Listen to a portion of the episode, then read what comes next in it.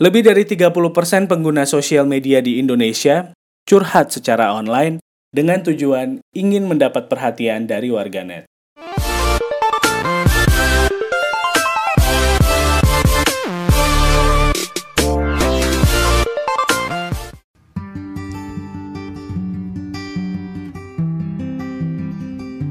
Halo, saya Fendi Rahman.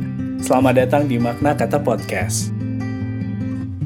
Terima kasih banyak buat kamu yang setia dengerin podcast ini setiap hari Jumat jam 9 malam.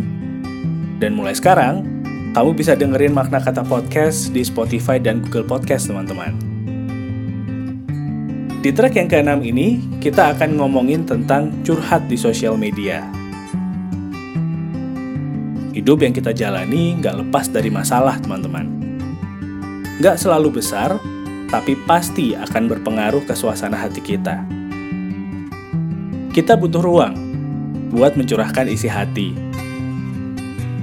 Tapi karena keterbatasan, sosial media sering jadi solusi instan untuk mengungkapkan isi hati kita. Mungkin cara ini bisa bikin hati kamu lega. Tapi sadar nggak sih? Kalau curhat di sosial media juga punya resiko yang besar. Curhat di sosial media bisa disebabkan karena banyak alasan, teman-teman. Salah satunya karena takut buat cerita secara langsung. Tapi untuk sebagian orang, curhat di sosial media adalah sebuah cara untuk berekspresi. Mereka menganggap teman digital akan bisa menerima semua masalahnya. Sosial media punya culture-nya sendiri, teman-teman. Bisa aja bukan dapat solusi, malah dapat masalah baru. Bener nggak? Sebelum curhat di sosial media, kita harus berpikir, sebenarnya apa tujuan kita? Saya yakin, kebanyakan dari kamu pasti tujuannya untuk cari solusi. Tapi nggak sedikit juga loh yang melakukan ini untuk nyari sensasi. Kalau kamu ada di pihak yang lagi curhat, mungkin bisa sedikit meringankan beban kamu.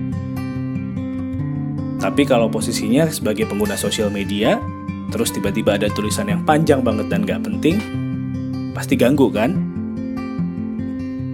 Sebenarnya konten dari sosial media kita adalah jati diri kita sendiri, teman-teman. Kalau postingan kita positif, pasti feedback yang kita dapat juga akan baik. Sebaliknya, kalau konten kita aur-auran, pasti feedbacknya juga ikutan aur-auran. Di antara kamu pasti ada yang komplain sama saya. Kan posting curhatnya udah di close friend. Yakin nih, close friendnya udah aman. Kalau teman kamu ada yang nyinyir gimana? Apa pun pembenarannya, curhat di sosial media bukan pilihan dan solusi yang tepat, teman-teman. Selama masih punya teman bicara yang bisa kamu percaya, jangan curhat di sosial media. Jadi gimana nih? Masih mau nggak buat curhat di sosial media? Kamu yang dengerin podcast ini di Spotify dan Google Podcast, jangan lupa untuk follow ya. Terima kasih sudah mendengarkan makna kata podcast.